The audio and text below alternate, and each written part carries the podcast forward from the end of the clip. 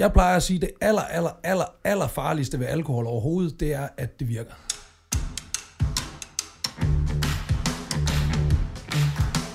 Min familie vidste jo godt, at jeg levede et vildt liv. De vidste bare ikke, at jeg levede et så vildt liv, som jeg gjorde. Jeg ser pårørende heller ikke på den. Nej, og de er slet ikke interesseret i at se det, så jeg begynder at drikke i smug nu. Og der ved vi jo også alle tre godt. Det er Det er også et skridt skridt. i den helt forkerte retning. Det var først, da jeg havde været på hospitalet i noget tid, og, og var begyndt at blive klar oven i hovedet og sådan noget der, at det faktisk gik op for mig, hvor tæt jeg havde været på at fucking dø.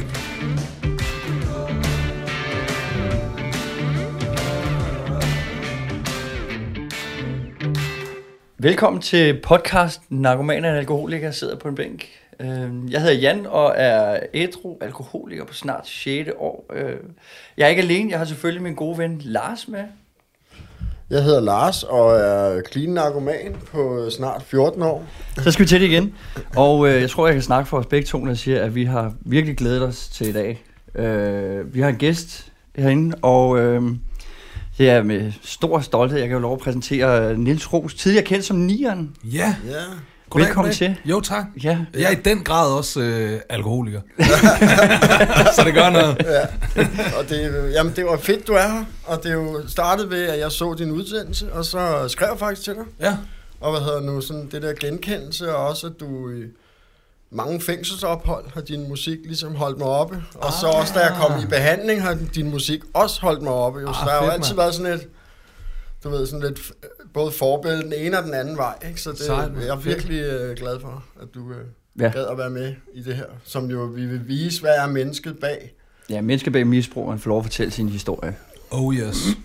Hvad var du sådan helt præcis misbrugering? Jeg havde jo et kæmpe hasmisbrug i mine teenageår. Altså ja. fra, fra jeg var de der 16-17 år gammel, og så indtil jeg var sådan i, ja, faktisk nærmest i slutningen af 20'erne, så jeg røg fede hver dag. Det anså jeg ikke rigtigt for noget. Sådan, det, der var bare, nej, jeg var rapper. Rapper, de ryger fede, så Snoop Dogg og sådan Snoop, noget, ja, ikke? Altså, det præcis. Det var, og så, det var faktisk sådan, det var sjovt, fordi at, at hasmisbruget, det kom jeg sådan helt nærmest ud af, fordi alkoholen overtog. Og kokain var jo rigtig meget bare fordi, at det er du nødt til, når du drikker så meget. Hvis du gerne vil i byen og fest og holde den kørende i flere dage. Og sådan En noget god der. sidevogn. Det, det er nemlig en virkelig, virkelig god sidevogn. Og jeg vil også sige, altså, der er ikke nogen... Jeg synes, at alt det, man har prøvet, også nu, jeg har faktisk jeg har aldrig prøvet heroin. Det er Den har heldigvis været fornuftig Ja, nok til at holde mig ja, for ja, det kunne jeg nemlig forestille mig, at der ville jeg bare være... Fucking ho! det er Du ved præcis. ikke, Jeg har så Men det er selvfølgelig jo, prøvet... Men det er konsekvenserne af det, der er Ja, ja, noget galt. Der det er er ikke det. noget galt med selve... Altså, mit Nej, Nej, det- sind elsker jo også at være Ja. ja. skæv, men det er konsekvensen af det. Ikke? Ja. Hvis der Ja, ikke så er var det- det, og det så er havde jeg taget det stadig. Og det er jo især også livsstilen, der følger ja, Ja, med, fordi man ja. ja. ser jo også rockstjerner, der, øh, som er mange millionærer, de lever med et heroinmisbrug i 30 år, Ja, ja, ja. ja, og ender med at dø af noget helt ja. Ja. andet, ikke? Altså, det Ja. er rigtig meget livsstilen, der følger med, Ja, fordi jeg har det er, pengene til det. det er jo det. Vi har jo øh, researchet lidt. Vi har jo set, øh, sidste år kom do, dokumentaren Nierens Død. Ja, Og den, øh, den vil jeg jo helt klart anbefale øh, folk at, at se. Den fortæller jo en sandfærdig historie om, om dit liv. Ja, lidt for sandfærdig, synes jeg selv. Ja. Nogle gange. Den er meget ærlig. oh, jo. Det er den i hvert fald. Men hvis man er i Øhm. tvivl om, at man er alkoholiker, er, så se den. Ja. Ja, Altså, Ja. hvad, Så- så... hvor meget smerte det bringer med. oh, jo. Ja. Ja. Det, er det, det du, du, øh, der bliver, ligesom bliver beskrevet, det er den der usikre dreng, der vokser Ja. op i den her kernefamilie, og har svært ved at finde sin plads. Har jeg ret i det? Jo, ja, lige Ja. præcis. Øhm, og der er øh, den der med, at der ikke er noget med god til. Du finder så musikken, Ja. hvor du tænker, det her, det dur. Det var det eneste, jeg ligesom sådan kunne se. Jeg var også især, fordi jeg, jeg, jo, jeg jo er opvokset i sådan et, et miljø, hvor at det, man ligesom gør, det er, at man går i skole, og så tager man uddannelse, og, og, så, og så bliver man det, man uddanner sig til, og så er det det, man laver de næste 50 år, ikke? Og der var bare ikke... Det sagde mig ikke noget, og, og, og der var fag i skolen, jeg var god til, men der var ikke rigtig noget, jeg havde lyst til at arbejde med, sådan, indtil jeg så fandt musikken Nej. hvor jeg virkelig tænkte, det her, det, det kan jeg finde ud af, også fordi jeg var jo jeg var sådan en, en usikker øh, øh, knægt, som, som jo nok gerne ville have noget anerkendelse og noget opmærksomhed og noget, og så kunne jeg godt se, det kunne jeg jo få gennem det der, og så, jeg startede jo med at lave alt mulig musik, som jeg ikke var særlig god til at lave. Og det kunne jeg også godt sådan lidt selv Du fornemme. være rockstjerne. Jamen, jeg var også jeg var forsanger i et band. Det er fordi, jeg ville rigtig gerne bare lave noget musik, men jeg er ikke særlig god til at spille på ting. Sådan, jeg kan faktisk godt, jeg er ret god til, til toner og, og, og den slags melodier, men jeg kan ikke, jeg har, ikke, jeg har virkelig dårlig fingermotorik. så sådan, jeg kan godt spille lidt guitar, men jeg kan godt mærke, det bliver aldrig helt god til det her. Sådan, og, og så, men så da jeg så fandt rapmusikken, der kunne jeg se, okay, det her, det kan jeg finde ud af. Ja. Og, det, og jeg begyndte at skrive tekster, begyndte at rappe, og kunne godt se, sådan, at folk omkring mig, der gjorde det samme, øh, kunne jeg godt sådan ret hurtigt se, at, at jeg var lidt foran. Øhm, og så tænkte jeg, det er fandme det her, jeg skal. Men det var jo, som jeg også siger i dokumentaren, det var et håbløst projekt. Især i midten af 90'erne, der var rap jo slet ikke lige så stort, som det er i dag. Ej, langt fra. Man skal slet ikke sådan tro, at, at, at, øh, at, at jeg sådan er opvokset sådan et sted, hvor min familie prøvede at presse mig ud i at tage en uddannelse, og prøvede mine forældre. Det er faktisk sådan noget af det, jeg er allermest taknemmelig for i forhold til mine forældre. Det er, at mine forældre har altid givet mig lov til at være mig, og givet mig lov til at lave de her ting, jeg gerne ville. Og der var ikke nogen...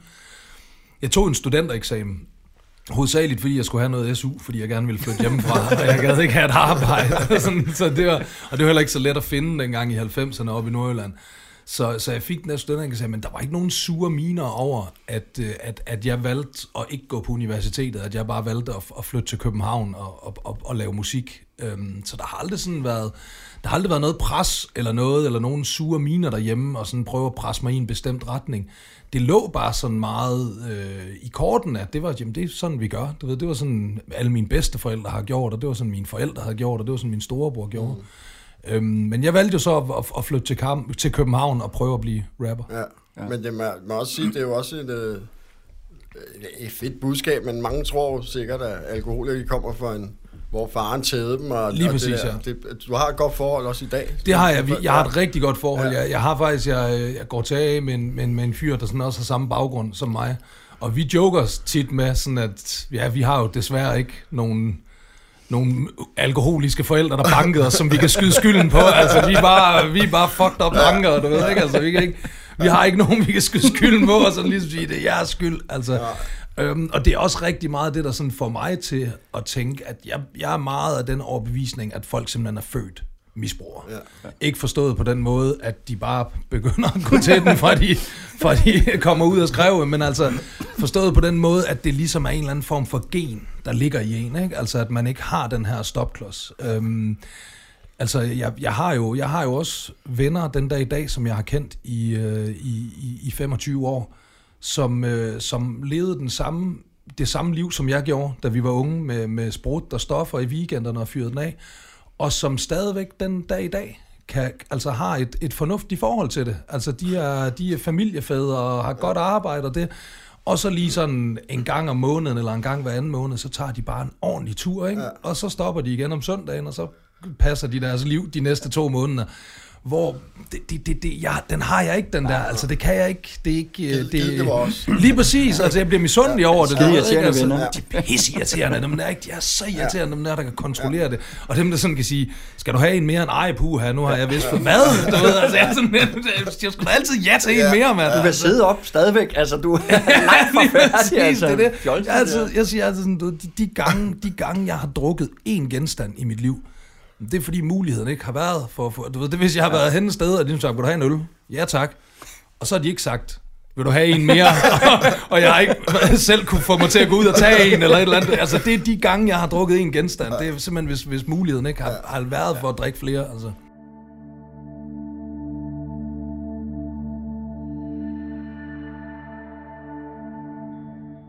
Der er jo i, øh, igen i den øh, dokumentar, hvor du, siger, at, at øh, du var meget usikker, ikke så meget selvtillid, og Ja. alkohol, det var et skyde flydende altså selvtillidsboost. Ja, ja, ja. Hvis det ikke havde været for alkohol, havde, øh, havde Danmark så fået lov at opleve nieren? Ja, det er jo faktisk et mega godt spørgsmål. Det havde man sgu nok ikke. Fordi det var faktisk, det var, det var meget mit selvværd, der var. Altså min selvtillid var sådan okay, fordi jeg har, jeg har altid, jeg har altid været rigtig god til lynhurtigt at se, om der var noget, jeg var god til, om der var en mulighed for, at jeg kunne blive god til det, eller om det her, det var bare no fucking way. Du ved ikke, altså det er sådan... Så det har jeg altid været sådan lyn, og det kunne jeg også godt se med rap fra i, i starten, da jeg begyndte at rappe, så kunne jeg godt se, det her, mand, det kan jeg blive god til. Så, så selvtilliden har altid været, men mit selvværd har altid været skrækkelig. Altså, jeg har aldrig følt, jeg var god nok, og altid tænkt, nej, folk kan heller ikke lide mig. Sådan, altid haft den der, når jeg har været sammen med nye mennesker, så kan du, ah, de kan nok heller ikke lide mig, det var også dumt, jeg sagde det der, og ej, hvorfor skal jeg også altid være sådan fuck up og sådan noget. Og så, det ved I jo bedre end nogen andre, så hvis man får noget alkohol og nogle stoffer ind i blodet, du ved ikke, altså så for saten, man, ej, de synes jeg er fed, mand. Prøv at se dem nu, hold kæft, de griner alt det, jeg siger og sådan noget, ikke? Altså, men, men hvis det var nej, så havde øh, verden skulle nok aldrig lært nieren at kende, også fordi, da det så ligesom var begyndt at, at køre, øhm, og, og, og, og, og jeg havde fået det der gennembrud, og, og jeg ligesom er blevet kendt som ham der ballademager-rapperen, så skulle det jo også øh, bevares, det der Right. image. Ja. Altså også, så, havde, så skete der netop også det, så havde jeg jo en oplevelse, hvor øh, jeg sad og tog noget coke backstage, det gjorde jeg jo nærmest altid, altså, under, altså efter hver koncert dengang, ikke? Men så det her, det var lige, man havde ikke helt vendet sig til det der med de der telefoner med, med kamera i. Det man ikke. Så der var en ung sød pige, der, øh, der tog et billede af mig, øh, hvor jeg sidder øh, og lægger nogle streger op på et bord. Jeg synes, det værste ved det billede, det er, at jeg sidder i en Nick J t-shirt. Men pressen, pressen, de kastede sig selvfølgelig over kokain. Det synes de selvfølgelig var det. Jo, så hun sælger det her billede til Se og Hør, og det, eller hun sælger det faktisk til Ekstrabladet. Og så sælger Ekstrabladet det videre til Se og Hør. Så det kommer, så det kommer både i, øh, i, i, i Ekstrabladet og Se og Hør. Øhm, det er sjovt, når man sådan sidder på den anden side, der kan man godt sådan se de forskellige medier, hvad der er stærkt og sådan noget, fordi ja. det kommer i Ekstrabladet om søndagen, og der er det sådan, der giver det lidt røre og sådan noget, så om torsdagen der, der, øh, der ser og hør kommer ud med de der billeder, så fucking eksploderer det, så kommer det i, øh, i nyhederne, og også fordi så begynder der at blive aflyst koncerter, så var der nogle, nogle unge, det er sådan ekstrem, ekstrem dobbeltmoral, du ved ja. ikke, sådan lad os få ham her ud og spille i vores ungdomsklub, han rapper om, om narko og sprut og vold, ja lad os få ham ud og spille, han, tager, det. han tager, hvad? Tager han narko? Nej! Vi troede bare, han rappede om det. Aflys, aflys. Øhm, men øhm, det, der sker oven på de der billeder, udover de der koncerter, de bliver aflyst, så kan vi også bare se, at, øhm, at albummet stiger på hitlisten. Altså, det, der er mere salg. Og selvom der bliver aflyst nogle koncerter, så kommer der også flere koncerter ind, og der kommer meget mere. Altså, man kan virkelig se, at det booster min karriere. Fordi nu er det ikke bare sådan en eller anden fake persona, kan, kan folk ligesom derude se, okay, han, han lever det her fucking liv. Og det kunne jeg jo så godt se, også som ung 25-årig uh, nyudklækket rapstjerne, du ved, okay mand, okay, jo vildere jeg er, jo altså, bedre går det her, du ved ikke? Og så blev jeg jo vild, altså. Og så, også fordi, jeg endte sådan et sted, hvor, jeg ved nok ligesom, folk øh, ville gerne drikke en øl med Kim Larsen, og folk vil gerne ryge en joint sammen med Snoop Dogg. Ja. Så blev jeg ligesom ham, der folk gerne ville tage en streg med. Ja. det blev ligesom okay. sådan en ting, du ved, sådan, åh, hvad fedt at prøve at tage en. Der kom virkelig folk sådan ind og sagde sådan, øh, undskyld, øh, Nian, det vil virkelig være en, en, en stor ære og fornøjelse, hvi- hvis du ville øh, gå med mig ud på toilettet og, og tage en streg coke. Tag noget af min narko. Ja, lige præcis sådan. Jeg var sådan, okay, vi står i Sønder Bøvling et eller andet sted. Jeg, ikke- hvis du har narkoen, så er du min nye ven, du ved ikke? Så, er du bare, så er du min nye ven i den her by. Altså, så, så, så, så jeg begyndte jo også bare selv at gøre det vildere, ikke? Altså, vildere klovn, det skal være vildere.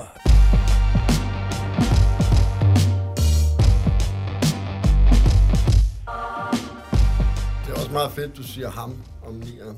Nieren er jo bare en karikeret udgave af mig, ikke? Altså, ja. det, er jo, det er jo 70 procent øh, Nils, og så de sidste 30 procent, det er nieren, du ved ikke? Altså, som ligesom Ja. gør det, gør det endnu vildere. Men det, og det var jo altid sådan svært, når man har sådan en, en, en ben i hver lejr. Også fordi så fik jeg jo så en, en kæreste, som man jo også ser i dokumentarfilm, ikke? Som du stadig er gift. Du Som jeg er gift med den dag i dag, Ja, ja, og har et barn med. Vi har haft nogle, øhm, nogle pauser igennem vores forhold, Ja, fordi ja. sådan er det jo som regel, når man er sammen med en misbruger, du ved ikke, han bliver, han bliver for meget nogle gange, ikke? Altså, øhm, så, øh, men, men, men det, det, blev virkelig også, også fordi vi blev virkelig, virkelig øh, forelsket, helt fra starten af mig og Sal, altså øh, meget, meget hurtigt, øhm, og flyttede sammen af den slags, så det vil sige, så begyndte jeg også ligesom at have det her stille øh, kæreste Smagte på... Ja, du ved, ja. Ikke, vi havde ikke nogen børn, men Nej. vi, vi havde en, en kat og en kanin, du ved ikke, så der var sådan Ja. lidt familieliv over det. Vi flyttede til Malmø i en lejlighed derovre og sådan noget, ikke?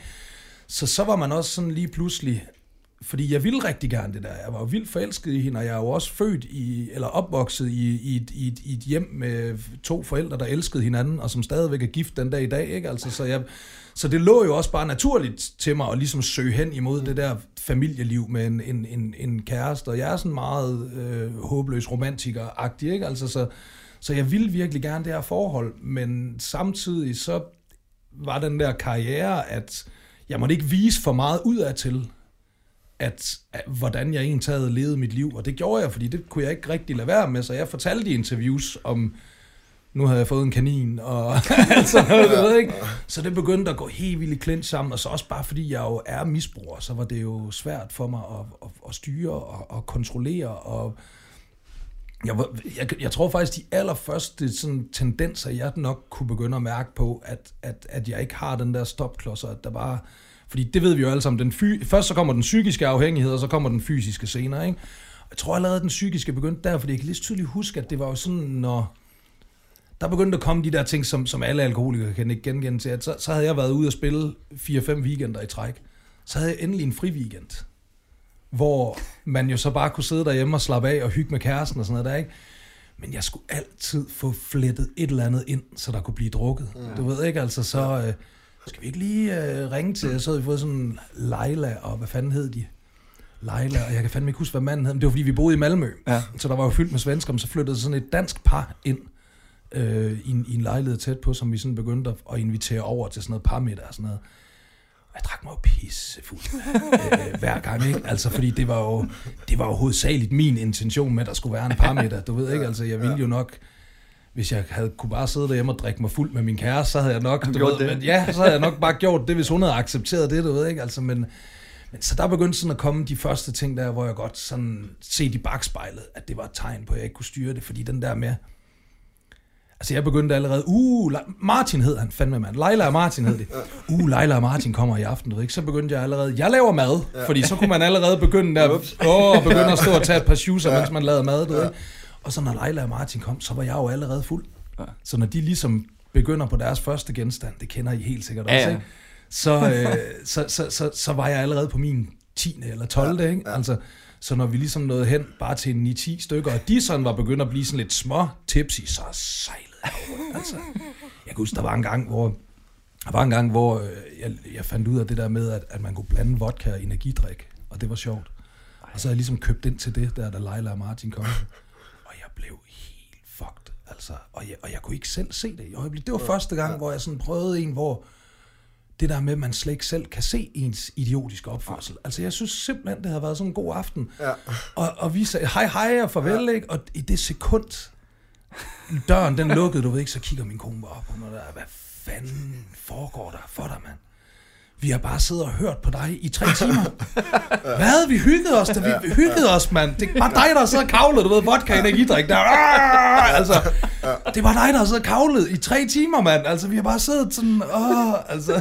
De gik jo hjem, fordi de ikke gad at høre på dig mere. Jeg var helt uforstående overfor det. Jeg kunne slet ikke, jeg synes, det havde været et skøn aften. Fantastisk og de, de aften. sidste, altså. der ved, det er en selv. Ikke? Og det er også, men som du siger, med de fleste billeder, når jeg ser dem fra min familie, ikke? For et eller andet øh, konfirmation eller andet, så ved min plads står der en guldbejer. Ja. Og stolen er tom, fordi jeg er op på toilettet og, og sniffe et eller andet. Næsten på alle billeder. Jeg er ikke med på nogen af dem, Ej. fordi stolen er tom. Og, øh, Eller så står der en guldbejer, de andre får vin. Ikke? Ja. Ah, men det Og er det- sådan det en er jo- klassiker, ja. ikke?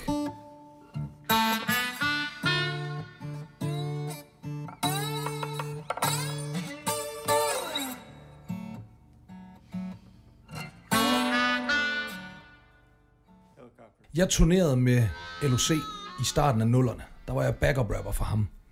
Og øh, LOC havde jo et alkoholmisbrug der i starten af sine 20'ere. Øh, og det fulgte jeg jo sådan ligesom på sidelinjen, som backup rapper for ham. Og jeg kan huske det der med, at Liam drak hver dag. Jeg kunne slet ikke sætte mig ind i det, kan jeg huske. Der var jeg kun 21-22 år gammel, ikke? Jeg kunne slet ikke forstå det der, fordi jeg var stadigvæk sådan et sted, hvis jeg tog på druk to dage i træk. Åh, og så tømmer man om søndagen. I kender, du ved, den der, åh, få den der øl væk fra mig. Åh, få den væk. Åh, jeg drikker aldrig igen, Det og sådan noget. siden, jeg har haft det sådan. Jamen, det, er men det havde man helt, da man var ung, du ved ikke? Og, så, og Liam, han drak hver dag, og jeg, uh, jeg kan da huske sådan en episode, hvor vi havde været afsted to dage, og jeg havde det virkelig, virkelig skidt. Du ved, jeg havde så mange tømmermænd. Det var søndag, og vi skulle tilbage til København fra Aalborg. Og vi havde så mange tømmermænd, mig og Liam. Og så øh, Liam, han er sådan lidt flyskræk. Og så gik han hen og købte en sixpack, fordi han var ligesom nødt til at kværne den der sixpack, for, for at kunne komme op i flyveren, du ved, ikke? Hvor også set i bagspejlet, han er ikke en skid flyskræk, mand. Efter han er blevet ædru, der har han rejst hele jordkloden rundt, ikke? Det har jo været en mega dårlig undskyldning for at drikke en sixpack klokken 11 om formiddagen, du ved, ikke? Altså, øhm, og jeg kan bare huske, at jeg sad i bilen med ham der og bare kiggede på den der sixpack. Han sad lige så bare tænkte, fy for helvede, det kunne jeg bare ikke gøre, ikke? Og så 10 år senere, man, så sov jeg med en vodkaflaske på, på natbordet, ja. ikke? Og det, det, det er fordi, det... Altså, jeg kunne ikke se det på det tid, men så tror jeg også, så lige pludselig, så er der jo en eller anden dag, hvor der alligevel er en, der får en overbevist om, tag nu den reparationsbejer, og så finder man, ja. det er jo, Det funker. det fungerer bare. Ja. Er der noget, der bare fungerer, når man vågner der helt ja. fuldstændig smadret efter flere dages druk, og bare har lyst til at hænge sig selv? Altså, drik en halv flaske vodka, mand. Så er du fucking på toppen igen. Ja. Problemet er bare, så skal du også drikke en halv flaske den næste dag igen, og næste dag igen, og næste dag igen, ikke? Altså,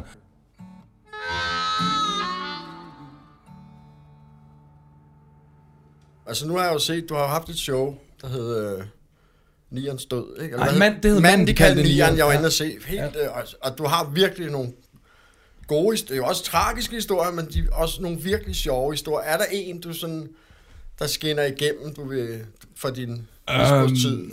en af dem, der sådan er virkelig, virkelig tragikomisk, øhm, det er jo det er hele til middag hos Ja. historien. Jeg, det, jeg håbede, du ville... Jeg, jeg, jeg vil ikke sige det, men jeg var også lige ved, jeg var også lige ved at tage den med, øhm, med, med Johnson og katten. Ja, og, den er øh, også... Men, Den er også... Den er jeg har sagt til de andre, til, jeg håber, han tager den. det var fordi, med den med Johnson og katten, der er jeg ikke sådan helt ekstrem misbruger endnu, så den er mere bare sjov. Ja. Den med middag hos, det er så langt ud. Det er jo fordi, det var begyndt at gå ikke så godt for karrieren. Øhm, og det afspejlede sig jo i min økonomi. Og så begyndte jeg, jeg begyndte at lave, ja, som jeg plejer at sige, der er nogle misbrugere, der har forsørget deres misbrug med at, at, at lave triktyveri og røve gamle damer. Jeg lavede lorte-tv. og, og set i bagspejlet ved jeg nærmest ikke, hvad der var værst. Men, Hæft, jeg har lavet meget lort. Du ved ikke, det startede ligesom med det der All Stars skrækkelige, skrækkelige, skrækkelige, skrækkelige, skrækkelige program. Altså, øhm, så, og, det, og i All Stars, det der var så sjovt, det var, at jeg var pissefuld hele vejen igennem All Stars. Altså, jeg drak konstant igennem det program. Men jeg var åbenbart sådan et, et, et sted i, min, i, min, i mit druk, der i min alkoholisme, at jeg stadigvæk sådan formåede at være forholdsvis charmerende, når jeg var fuld. Så jeg klarede mig ret godt i det program. Og det gør jo så, at så begynder de jo bare for alle mulige fucking produktionsselskaber at ringe, ikke? Fordi nu har de set, for det første så har de ligesom set, man har, man har crossed over to the other side. Du ved ikke sådan, uh, nu vil han lige pludselig gerne lave sådan noget lorte-tv. Nu går karrieren, ikke? Så du ved, de sidder derude, dem der, de der fucking caster på de der vild med dans, eller de sidder bare, nå, hvem tror vi måske mangler lidt på kontoen? Hvem hvis karriere er lidt på vejen? Åh, oh, her der var du, Iben Jejle. Var du ikke haft en rolle i lang tid? Skal vi lige give dig en 900.000 for at danse lidt rundt der hver fredag, var? Så, og du ved, det gør de også med mig der, du ved, ikke? Så, så nu kan de godt se, oh, nu har han sagt, hvis han har sagt All Stars, så siger han også til middag hos, ikke? Men de ringer, og, så, og jeg siger nej, og så tilbyder de mig nogle penge, og så tjekker jeg min netbank, og så tænker jeg, ja, okay. så skidt der. Så skidt der. Jeg, jeg, på det her tidspunkt, da jeg siger ja til til middag hos, der er jeg faktisk, der er, er jeg faktisk blevet smidt ud af salg. Hun havde smidt mig på borden, og jeg bor sådan midlertidigt i sådan en lejlighed ude på Nørrebro, så jeg har ikke noget hjem, og det er sådan lidt svært, når man skal lave til middag hos. Så jeg får lov til at låne min gode ven Tøf, han har sådan en slyngelstue ude i, sit- neden under sit værksted ude i Vandløse, og der kan vi så være, det er sådan indrettet som sådan en gammel værtshus, ikke? Og der kan vi så være, det får vi lov til. Og jeg var så pissehammerende fuld. Det er fordi, det der sker, det er, nu, nu springer jeg lidt i det, jeg, jeg vågner der mandag morgen, det er fordi, når man skal optage til middag hos, vi var mig, MC Ejner, øh, Pernille Valentin hedder hun sangerinde, og så sådan en sangerinde, som jeg øh, ikke kan huske, hvad hedder. Øhm, og vi skulle starte med, at jamen, man optager ligesom hen over fire dage, mandag, tirsdag, onsdag, torsdag, en, hjemme hos hver, en dag hjemme hos hver deltager. Jeg finder først ud af sådan hen over weekenden, hvad til middag hos går ud på. og så får jeg jo mega nederen på, så glæder jeg mig ikke til, det bliver mandag, vel? Så jeg tager på druk hele weekenden. Jeg skal være derude i Vandløse klokken 10 mandag formiddag. Klokken kvart over 10, der vågner jeg at min telefon den bare ligger og bimler og bamler og ryster. Øhm, og, øh, og, og jeg kommer op, og det kender vi jo alle sammen, jeg skal op på min funktionspromille, ikke? Altså som alkoholiker, der har man ligesom noget, man kalder en funktionspromille, det er den mængde alkohol, man skal indtage, for ligesom bare at gå ud i verden og se normal ud. Det er fordi, når man, når man har et voldsomt alkoholmisbrug, det kender jeg også, så det er lettere at se på en, der er noget galt, hvis man slet ikke har fået noget Ja. ja. drik. End Ligesom hvis man lige... tager et bad, ikke? Så lige du have- præcis. Ja. ja, nemlig. Ja. Andre folk tager et bad for lige Ja. at blive vågen. Jeg skal lige have en 10-12 genstande, ikke? En skarp. Ja, så jeg går ud og begynder at stå og høvle vodka shots derude i køkkenet, og de ringer, og de bimler og bamler, og så skriver de sådan, Nå, men nu kan du i hvert fald ikke nå at komme ud og handle. I ved nok, det skal jo starte med, hver afsnit starter med, at personen er ude at handle. Ja, ja. Så skriver de ligesom, hvad skal du bruge? Så jeg står og høvler vodka shots, mens jeg skriver den der fucking handleliste, som jeg jo ikke har fået skrevet endnu, og sender til dem. Så må de sende runner ud og gøre det. Så møder jeg op. Og jeg er godt stigt allerede der, men ikke så der rigtig er nogen, der kan se det, men jeg bliver så fuld i løbet af den dag, der hvor vi er hos mig. Og det går helt galt, det der mad, jeg laver, fordi så skal jeg lave sådan nogle kyllingespyd på grillen, så, øh, så fyrer jeg op for dem. Og så, så siger de, vi har lidt travlt, så kan du ikke gå ind og lave det der pasta, der skal laves til, så er der en, der styrer grillen. Jo jo, så står jeg ind og laver. Så efter 20 minutter, så kigger jeg ud, så hende der runneren, hun står stadigvæk og vender de der kyllingespyd. Prøv at give kyllingespyd 20 minutter på grillen, mand. Altså, det er kraft, de skal have 5 minutter, ikke? Altså, det er 7 måske endda, ikke? Altså, der, og laver sådan noget. Og lige da jeg lavede det der pasta lige og anrette, så siger de, vi skal lige skifte disk på kameraet, så står det og bliver koldt det der, så det bliver nærmest noget pastasalat, de får sådan noget. Det er en kæmpe, kæmpe skandale. Og så kører vi videre, og vi laver næste dag, og jeg er fuld, og jeg ud, den sidste dag, der skal vi være hos MC Ejner, mener jeg. Og der, jeg bliver så pissehammerende fuld, og jeg ligger seriøst til sidst døddrukken på MC Ejners køkkengulv. Jeg ligger virkelig sådan på hans køkkengulv. Og Ejner, han er jo ædru alkoholiker, så man kan godt mærke på ham, han ser bare alle, alle, de er alle de røde lamper, de blinker bare på ham der, du ved, uh, ja, gå ved, hvornår han finder hen til et møde ham der. Men så, øhm, så kommer de jo så, det er jo så nu, nu, nu, nu nu starter det virkelig grimme, fordi så kommer de jo så, jeg tænker jo, nu er jeg færdig med til middag hos. Men så kommer de og siger, hey Niels, øh, vi har jo ikke fået lavet de der optagelser, hvor du er nede og handler. Dem laver vi på tirsdag. Okay, tirsdag, det er fint nok. Jeg skulle bare lige ud og spille nogle klubjobs. Du ved, de siger ligesom, vi mødes på tirsdag, der mødes vi ved Superbest i Vandløs, og så skal du bare have det samme tøj på, som du har på. I, som du havde på i mand, altså ikke? Så krydsklipper vi. Det er der ikke nogen, der opdager. Okay. Men det, der er vigtigt at nævne, det er, at alt det her, det foregår i slutningen af november. Og I kender jo godt Movember. Ja. Movember, hvor øh, alle mænd øh, i hele november måned, der skal de lade deres overskæg gro, for at gøre opmærksom på prostatakræft. Den er jeg, der hoppet med på den trend. Klar. Så jeg har alle de optagelser, vi har lavet til, til middag hos, der har jeg haft et stort, dejligt, busket mustache på min overlæb.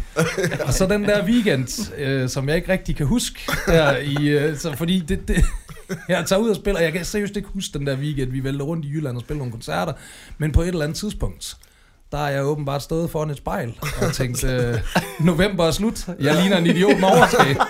Og så barberer jeg det der overskæg af, og tænker ikke videre over det. Så bliver det, øh, det bliver søndag, og jeg vågner alene på et vandrehjem i Vejle, efter alle de her job. Jeg kan ikke huske, jeg er ret sikker på, grunden til, at jeg var alene, det var, fordi jeg var afsted med to andre, en duo, der hedder Kontrast. Men de skulle ud og se på en båd i Jylland. Der var en af dem, der skulle se på en båd, så jeg skulle ligesom selv stå op og komme hjem med et tog fra Vejle. Og jeg vågner på det her vandrehjem i Vejle, og jeg kan ikke, jeg har så ondt i mit mellemgulv. Jeg har simpelthen så mange smerter øh, nede sådan i den ene side af, af maven. Så, øh, så, får- så får jeg fat i sådan en døgnlæge, det var om søndagen, så får jeg fat i sådan en døgnlægeklinik der i Vejle, tager hen til dem, og hun siger, at hun er ret sikker på, at jeg har en nyresten. Nyresten, det er jo en, en smertelig affære, ikke? så det er derfor, det gør ondt, og hun er sådan lidt, du kan ikke rigtig gøre så meget, den skal passere. Sådan en nyresten, den vil jo gerne, den tager fra nyren over i blæren, og så fra blæren vil den ud, og det er sådan lidt ligesom at Pissen. få, få en golfkugle igennem en haveslange, ikke? Det gør fucking naller, altså. Øhm, så, men hun er sådan lidt, den må du bare, den må passere, som hun siger, du ved, ikke? Og så kontakt dig en læge, når du kommer hjem. Så går jeg ned, og jeg kan slet ikke overskue noget, så jeg tager en nat mere på det der vandrehjem. Og, øh, og, og, og kommer op øh, næste dag. Fuck, så må jeg tilbage med et tog tilbage til, øh, til, til København. Og øh, kommer tilbage og tror jo, alt er godt. Jeg har jo slet ikke tænkt over, at jeg mangler det her fucking overskæg her. Altså. Så jeg, øh, jeg tager tilbage og, og, og tager mit, øh, mit, mit, mit tøj på, som jeg havde på der om mandagen i til middag hos, og tager en taxa ud til Superbest ud i Vandløse. Og der er jo ikke nogen... Der er jo ikke nogen på det her produktionshold. Grunden til, at de jo siger det der til mig, at jeg bare skal komme om tirsdag, det er fordi, efter at have set mig vælt stanger vissen rundt i fire dage, der er ikke nogen, der tror på mig. De tror bare, at han er tømmermand, han er stiv, du ved, han er ikke rigtig syg, han er bare fucked up ham her. Mm. Men da jeg, da jeg kom ud af den der taxa, der tror jeg godt, de kan se på mig, at, at jeg fejler et eller andet. Men det, de mere lægger mærke til, det er jo selvfølgelig, at jeg mangler et overskæg. Fordi vi skal jo krydsklippe, der ved ikke, det var sådan, går rundt ned i Superbest om formiddagen og handler uden et overskæg, så bare om eftermiddagen står jeg der og konkurrerer, bare sådan, okay mand, syg skal, og I, som I kan se mig nu, jeg, I kan godt se på mig nu, er jeg ikke blevet faktisk barberet, I kan godt se, jeg har sådan en virkelig usel teenager vækst, du ved ikke, der er ikke, man kan godt se på mig, jeg ikke kan gro et overskæg på en formiddag, ikke, altså. Så de tænker sådan, fuck, hvad skal vi gøre? Så får de helt seriøst fat i, det er det mest vanvittige nogensinde, så får de fat i sådan en fucking special effect makeup artist. Så en, der laver skudhuller og zombier på film. Så kommer der så en ud, selvfølgelig sådan en rigtig, hej Niels, og smækker sådan en eller anden uh, flight case kuffert deroppe og åbner den. Så tager han and I fucking kid you not, han tager nærmest bare en hestehale, altså fra en hest, op sådan en dusk, sådan en kæmpe dusk, for sådan en fucking hestehale, fra en rigtig hest tager han op, og så sidder han og klipper sådan små stykker af, små, så sidder han og klipper den der i stykker, og så putter han lige. og jeg sidder seriøst bare og tænker, jeg kommer jo til, det bliver jo galt der, men jeg kommer jo til at ligne en eller anden fucking revyforestilling, der vælter rundt der, ikke altså? Prøv mand, det var kraftet med imponerende arbejde, det der. Han laver det vildeste fake mustache om ham der. Du kunne ikke se, det ikke var et ægte overskæg, det der, mand. Det var så vildt. Han sidder ligesom med et, et billede, de har for optagelserne, ikke? Af mig med det der overskæg. Så sidder han bare og laver magen til. Og jeg vil stadigvæk, altså jeg kan ikke se, jeg kan ikke se øh, i den, fordi der var faktisk også nogle af de der voice det ved dem der, hvor man sidder og bliver interviewet og ja. fortæller, hvad man ja. synes om aftenen. Ja. Dem lavede de nemlig også nogle ekstra af, som virkede for lavet. Når jeg ser det program, jeg kan ikke se, hvor det er, jeg har falsk, falsk overskæg, og hvor det er ægte overskæg. Jeg kan simpelthen ikke se det. Han var virkelig, virkelig dygtig, ham der. Men det var jo sådan en virkelig, virkelig ja, tragikomisk ja. historie, ikke? Fordi den er jo virkelig, virkelig sjov og hysterisk underholdende. Men så er det også bare mega tragisk, at, at alkohol kan få en derud, hvor man opfører sig på den måde ja. der, ikke?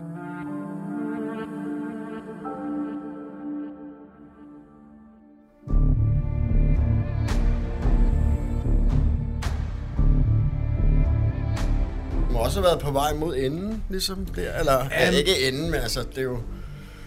Med, det var altså, det også. Jeg synes, det er noget af det mest øh, meget skræmmende i dit, din dokumentar også, det er det der, nogle af de der, altså, hvor du ikke kan få fat i Asal, for eksempel, eller hvor du, nogle af de sidste billeder, ja. altså, hvor man tænker, Ja, der hvor jeg sidder og kan være, at tænker, ja okay, var han tæt på at dø? Ja, ja, det siger han nok ikke, men det, er jo, det var jo virkelighed. Ikke? Jeg, var, altså, jeg var virkelig tæt på altså, at dø. Det også, jeg altså, var det, er jo, det er jo virkelig ubehagelige billeder. Det er det, og jeg var også, det var først, det var først, da jeg havde været på hospitalet i noget tid, og, og var begyndt at blive klar oven i hovedet og sådan noget der, at det faktisk gik op for mig, hvor tæt jeg havde været på at fucking dø. Altså fordi, jeg vidste godt, jeg kom på hospitalet, jeg lå på intensiv og sådan noget, der lå i sådan en hel tog af morfin og ritolid og alt muligt, ikke? Øhm, så sådan, da jeg kom op på den almindelige aftale, kunne jeg godt se sådan, med de samtaler, jeg havde med lægerne og sådan noget, jeg havde været virkelig, virkelig tæt på at dø. Øhm, men det var jo, som du siger, det var begyndelsen på hende. Altså faktisk øh, til middag hos tingen der, i sådan en af de første gange, jeg kan huske, hvor jeg sådan virkelig, virkelig var langt ude i en længere periode. Jamen også betænker fysisk. Ja, lige præcis. Og, ja. Lige præcis. Det var der, hvor jeg første ja. gang begyndte også at få nogle fysiske, ja, men, fysiske men af, af, af at drikke så meget. Ja. Og det gjorde jo faktisk også, det gjorde jo det, at jeg, det er også sådan en skæg øh, alkoholiker ting, faktisk, fordi det gjorde det, at den der nyresten, der sagde en læge ligesom til mig, også fordi så bliver man scannet i forbindelse, han kunne se, at jeg havde sådan lidt, lidt fedt på min lever og sådan noget der, ikke? som også er tegn på, at man drikker for meget. Min storebror er læge, så min storebror er også sådan meget, bror, nyresten, det er en livsstilssygdom, du skal nok til at skrue lidt ned. Min familie vidste jo godt, at jeg levede et vildt liv. De vidste bare ikke, at jeg levede et så vildt liv, som jeg gjorde. Det ser pårørende heller ikke på den måde. Nej, og de er slet ikke interesseret i at se nej, det, så de, de tænker bare, nej, og de vælger også ligesom at sige, han er jo nieren, han er rapper, det er ja. sådan, de gør, du ja. ved ikke, og han skal drikke øl på scenen, og så drikker han nok bare sodavand bagefter. Ja, ja. Fik jeg dem bildet ind, og sådan nogle ting ja. der, ikke? Altså, øhm, men, men, men, men det er ligesom der, fordi så, så oven på det, så, så, så tænker jeg, okay, nu må jeg skulle lige prøve at skrue ned. Der skal skulle lige nyere sten og sådan noget, det er ikke godt. Og man, det kender I jo også godt, man kan jo et eller andet sted inde bag ved alt det der, hvor ens misbrugerhjern prøver at forklare en, at det hele er okay og sådan noget, så kan man jo godt se, er ikke helt godt det her. Jeg drikker sgu nok lidt for meget og sådan noget. Men det er jo lige præcis det. Hvornår øh, tænkte du første gang, at det her, det, det, det er ikke godt? Jamen, det gjorde jeg ved nyrestenen der. Det var først der? Ja, det gjorde jeg der. Der, der, der tænkte jeg sådan lidt... Eller der tænkte jeg i hvert fald, nu skal du nok til at passe lidt på dig selv. Fordi jeg havde ingen intention om at stoppe med Nej, at drikke og tage stoffer. Ja, ja. Også fordi det var den værste frygt ja. om min hoved. Fuck at ja. miste familien. Ja. Fuck at dø. Ja. Fuck at smadre karrieren. Fuck. Jeg skal bare, så længe jeg har alkohol og stoffer ja. i mit liv, så skal så det hele det. nok gå. Du ved, ikke? Altså, finde måden, jeg kan gøre det på. Lige præcis, ja. ja. Jeg skal ja. bare lige få det strikket sammen, sådan, ja. så det hele det går op i en højere enhed, du ved, ikke? Men der, der, der tænkte, det er første gang, jeg sådan tænker, okay, det er ikke så godt det her, og nu begynder det at gå ud over mig fysisk og sådan noget, så jeg må hellere tage en pause. Den, der har vi også alle sammen været, ikke?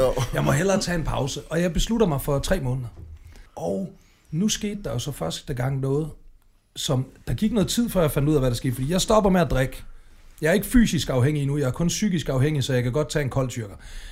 Det kan vi jo nok godt blive enige om, når man først er blevet fysisk afhængig af alkohol, så glem alt om kold tyrker, altså, fordi fysiske abstinenser, det er fucking dræberen, altså. Dør, kan dø af det. Fuldstændig, ja. altså.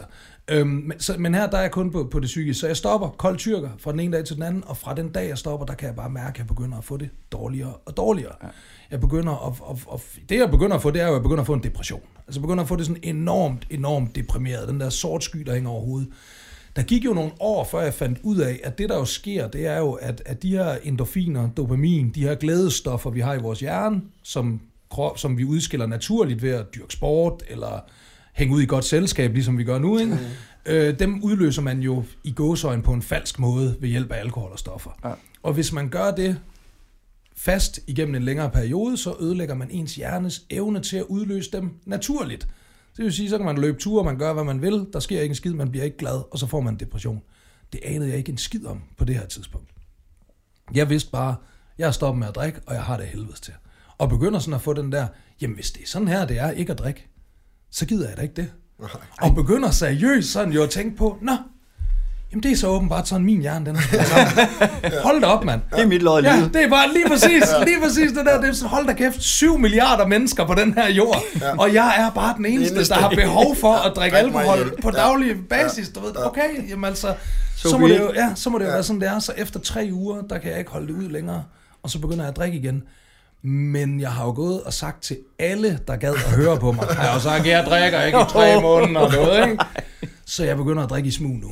Og der ved vi jo også alle tre godt. Det er, er også et skridt i den helt forkerte retning. Fordi når du begynder at drikke i smug, så har du jo i din underbevidsthed, Du har jo du har erkendt i din underbevidsthed, jeg drikker for meget. 100%. For hvorfor må folk ellers ikke vide det? Ja. Du ved, hvor fuck må folk ikke vide, at, at, at man drikker? Så der kan jeg huske, der begynder jeg at drikke i smug, og har sådan nogle helt åndssvage, hvor jeg turnerer stadigvæk med de her to dudes fra Kontrast. Og jeg har snakket med Lars derfra bagefter, hvor han har seriøst stået sammen med mig klokken to om natten, hvor jeg, jeg sejlede. For jeg havde jo bare sprut med i tasken. Så gik jeg jo bare og drak sodavand, når de andre kiggede, og så bare ud Åh! og piller vodka der, når de ikke kiggede. Så det, var, det, det, det, så det var jo der, hvor der sådan begyndte at være første gang nogle ting, jeg godt, sådan at ja. jeg tænkte, okay, det her det er ikke godt, og lad mig prøve at gøre nogle ting. Og da de der tre måneder, de var gået, og jeg sådan kunne drikke i gåseøjne i offentligheden igen, du ved ikke, hold kæft, så gik jeg amok, ikke? Ja. Men det, så var, stak det af. men det er også det, der er fantastisk, den der misbrug af logik, ikke? Jo, jo. som jeg har. Ikke? Og så det, du siger med, at nu holder jeg pause, så skal alle vide det. Og jeg kan huske øh, til en fodboldkamp, hvor jeg var på Antabus, og så øh, kommer vi ned på bodegaen, og der er en af drengene, der siger, jeg giver en fadøl, og jeg er sådan, nej, up. Jeg er på Antabus, jeg, den har fået for meget fart, jeg har skruet ned, det, det er nye tider og sådan noget, og han kigger på mig og siger, nå, men øh, du vil godt have noget kokain? Jo tak, det vil jeg gerne, det, ikke? Altså, jo, jo.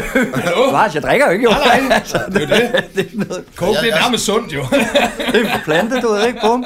Altså, det er jo det er den der misbrugslogik, der er Ja. så fantastisk, og det er, den, vi, det er også den, vi kan sidde og grine af i dag, ikke? Fordi, Jo, lige præcis. altså for, for udeforstående vil jo nok sidde og tænke, I er fuldstændig rappelende gave, ikke grine af det der, men det er jo, det er jo vores, hvad kan jeg sige, Ja. Overlevelse så- det er også, jo- ikke? Altså- Der er ikke at vi symboliserer med det, men altså, det er jo også, jeg kan huske for eksempel, vi sniffede meget amfetamin, og så, øh, så gik jeg og sagde til drenge, at jeg var stoppet med at sniffe, og de roste mig helt vildt. Så fortalte jeg ikke, at jeg var startet med at ryge heroin. Og det er jo fuldstændig det samme, ikke? Eller en, der siger, at jeg er stoppet med at ryge smøger, og så ryger du 30 gram hash i stedet Ja, ja, lige præcis. Ja, ja, er jo Eller jeg kan også huske en af mine... jeg- misbrugeren, ikke? Der hele tiden erstatter et Det er eller det andet altså. andet, eller jeg havde også en kammerat, han røg sådan en enkelt joint hver aften der. Så stoppede han med den, og så begyndte han bare at ryge 30 smøger om dagen i stedet for. Ikke? Altså, det er sådan, altså, det, det er, du, du, bytter det bare ud med noget andet. Jamen, det er det. Og det er nemlig, og, og man, også fordi vi er nødt til at grine af det nu. Hvad fanden skulle vi ellers gøre? Vi kan ikke sidde og græde af det. Altså, det er jo... Kommer ikke videre. Nej, også fordi vi er jo øh, nogle af de tre, hvor det endte jo lykkeligt i, i sidste ende, ikke? selvom det ikke gør det for fire- 70-80 procent eller sådan noget, alle misbrugere. Ikke? Altså, Der er mange, der kæmper. Det er der, Stadigvæk. det er der, ja. Men man er nødt til at grine af det, også fordi det er komisk. Det er jo pishammerende komisk. Ja. Altså, det er det jo. Så at sige, nej, jeg skal ikke have en fadøl. Puh, ja. ikke give mig det stads. Hvad med coke? Jo, jo, jo, kom med det, mand. Mere. Men det var jo især, da tingene ikke begyndte at gå, som jeg gerne ville have det. Ja. Det var især, da jeg begyndte at få mørke, dystre tanker, lige pludselig så mig selv i sådan en fucking fredags underholdningsprograms lort, som jeg slet ikke havde lyst til at lave. Jeg havde bare brug for pengene, og, og, og lige pludselig kunne se, der mødte færre og færre mennesker op til koncerterne, og sådan nogle ting der, ikke? Og nu gad P3 ikke spille den nye single og sådan noget, du ved. Så kunne jeg jo godt så er jo det, det er jo, jeg plejer at sige, det aller, aller, aller, aller farligste ved alkohol overhovedet, det er, at det virker. Ja. Ja. Det er jo så fucking farligt, ikke? Og det gjorde det jo. Det virkede jo. Jeg havde det helvede til, jeg havde det skidt, og så drak jeg, og så fik jeg det godt. Ja. Og så dagen efter havde jeg det helvede til igen, og så drak jeg, og så fik jeg det godt. Og så lige pludselig, det lyder underligt at sige, men inden man får set sig om, så drikker man en flaske vodka om dagen. Altså, Ja. Altså, det går stærkt. det går Lige stærkt. går det stærkt, det går fucking stærkt. Og ens, jeg synes ens, øh, hvad fanden er det nu, det hedder? Hukommelse? Nej, hvor meget man kan holde til. Nå, altså, man bliver tolerancen. resistent. Eller, Ja, lige præcis. Ja. Helt vildt, mand. Altså tolerancen. så- Hvad altså, mennesker kan det er holde til. helt, det er altså, jeg, jeg, jeg, jeg synes virkelig, øh, jeg kan nogle gange få sådan en, hvor, hvor, hvor jeg sådan kigger på sådan nogle folk og tænker, kæft, I undervurderer, hvad den menneskelige krop er i stand til. Ja. Der var, jeg kan ikke huske, hvor fanden var jeg så det hen, men der var, at den menneskelige krop ikke kan indeholde mere end, end 5 gram kokain. Ja. Og den, ja. den har jeg modbevist. Jeg har hørt faktisk, at den, en, den gennemsnitlige menneskelige krop for, øh, OD'er ved sådan noget 1,3 gram. Eller sådan, det er sådan, the, hvor jeg engang taget et halvt gram i en streg. Ja, lige præcis. Fuck? Det var den første time, det røg på. Lige præcis. Altså, det, jeg har nemlig også nogle af de der statistikker. Det er sådan nogle gange, så er det sådan, og det er jo også, faktisk synes jeg, det er problematisk, fordi det går faktisk helt tilbage til, til, til jeg er jo opvokset i, i 80'erne, ikke? Altså, jeg var barn i 80'erne og teenager i 90'erne, og vi blev jo tudet ørerne fulde om, hvor farlige stoffer var. Jeg har jo, jeg, jeg kan huske, jeg var engang, øh, det ved jeg ikke, om man gør længere, men dengang jeg var knægt, så kom politibetjente ud på en skole og fortalte en om stoffer. Ja. Og så sendte de sådan en has rundt, så man kunne få lov at røre ved det og lugte til det og sådan noget. Ikke? Og så ham der politibetjenten, han siger, han siger ligesom, øh, han siger i, øh, i, i, i glassen, og siger han, er der nogen, der har prøvet at ryge has? Og så mig og Jonas, mig og Jonas, vi var nogle hårde nyser, og vi havde prøvet at ryge den fede der. Vi synes selv, vi var rigtig seje, så vi rækker hånden op. Mm. Kokke der. Ja, vi har sgu prøvet at ryge. Er det Marokko, du har det, eller hvad? Skal jeg lige, må lige mærke det? Ah, ah, ah, den er kif, den er kif, den Du der. blev taget i røven, det er helt sikkert. Just nyt dig, mand. og top på, top på Tulevej 63, og snak med røde Gino i stedet for det. Får det også billigere. Bare sige næste center, mand. Nå, og så ham der politibetjenten, han ser så mig og Jonas række hånden op, så siger han til os, Nå, I har prøvet at ryge has? Ja, det har vi. Men det skal, I, øh, det skal I lade være med. Og så siger han de gyldne ord. Tag og drik nogle bajer i stedet for. det, må, det må uden sammenligning være det dårligste råd, jeg nogensinde har fået i hele mit fucking liv, mand. Det er hans skyld. Det er hans skyld, nærmest skide panser, mand. Altså, jamen, det er jo det er i det hele taget en... en, en det, det, når man har været igennem det, vi tre vi har været igennem, så den der forskel på alkohol og stoffer, som vores samfund rigtig gerne vil lave øh, på grund af, af, af, af, af, af lovgivningen, Ja, den, er jo, den er jo åndssvag, ikke? Altså, jeg, jeg, jeg havde seriøst, inden, da jeg var de der 13, 14, 15 år gammel, der havde jeg seriøst indtrykket af, at du fik det dårligere stoffer. Ja. Fordi det havde jeg jo lært. Du skulle tage en streg kokain, mand, så ligger du bare raller og kvalme, og, og, og hvad nu det hedder, og, folk fik jo bildet en ind, at du nærmest ville få abstinenser, hvis bare du prøvede at tage stoffer en gang, du bliver afhængig og sådan noget der. Crack, hvis bare du ryger det to gange, så er du afhængig og sådan noget. Lort, man fik at vide det, ikke? Og så prøvede jeg at sniffe en streg coke første gang, og så havde jeg det jo fantastisk. Og jeg synes, det er sådan, det er sådan en generelt forkert opfattelse, det der med, altså, at vi virkelig, virkelig... Øh, nu er det ikke, fordi vi skal sidde og snakke om lovgivning, og hvad, hvad man, hvad man har, har, har holdninger til det, men, men jeg kan huske, hvis man for eksempel har den der øh, has-legaliseringsdiskussion med nogen, så er der nogen, der vil sige, at vi skal ikke legalisere det, fordi så blåstempler vi det. Prøv at man, alkohol har det største fede blå stempel ja. i panden, ikke? og jeg bliver ved med, jeg gad godt at spørge nogle politikere, der, der står, fordi politikerne de er sjove, ikke? fordi de skal jo altid, de, der er fandme ikke nogen, der skal komme og tage deres alkohol, vel? Fordi politikere, de har sgu også brug for at, at koble fra nogle gange, så der skal være et eller andet derude på markedet, så derfor de prøver sådan at blive ved med at holde fast i det der, øh, som det, du ved ikke, jeg kan ikke forstå, hvorfor der skal være øh, billeder af sorte lunger på cigaretpakker. Hvorfor skal der ikke være et billede af mig ude for intensiv på en vodkaflaske? Ja. Altså hvorfor det der billede, hvor jeg ligger med slanger i hele kroppen ude på intensiv, hvorfor er det ikke på vodkaflasken?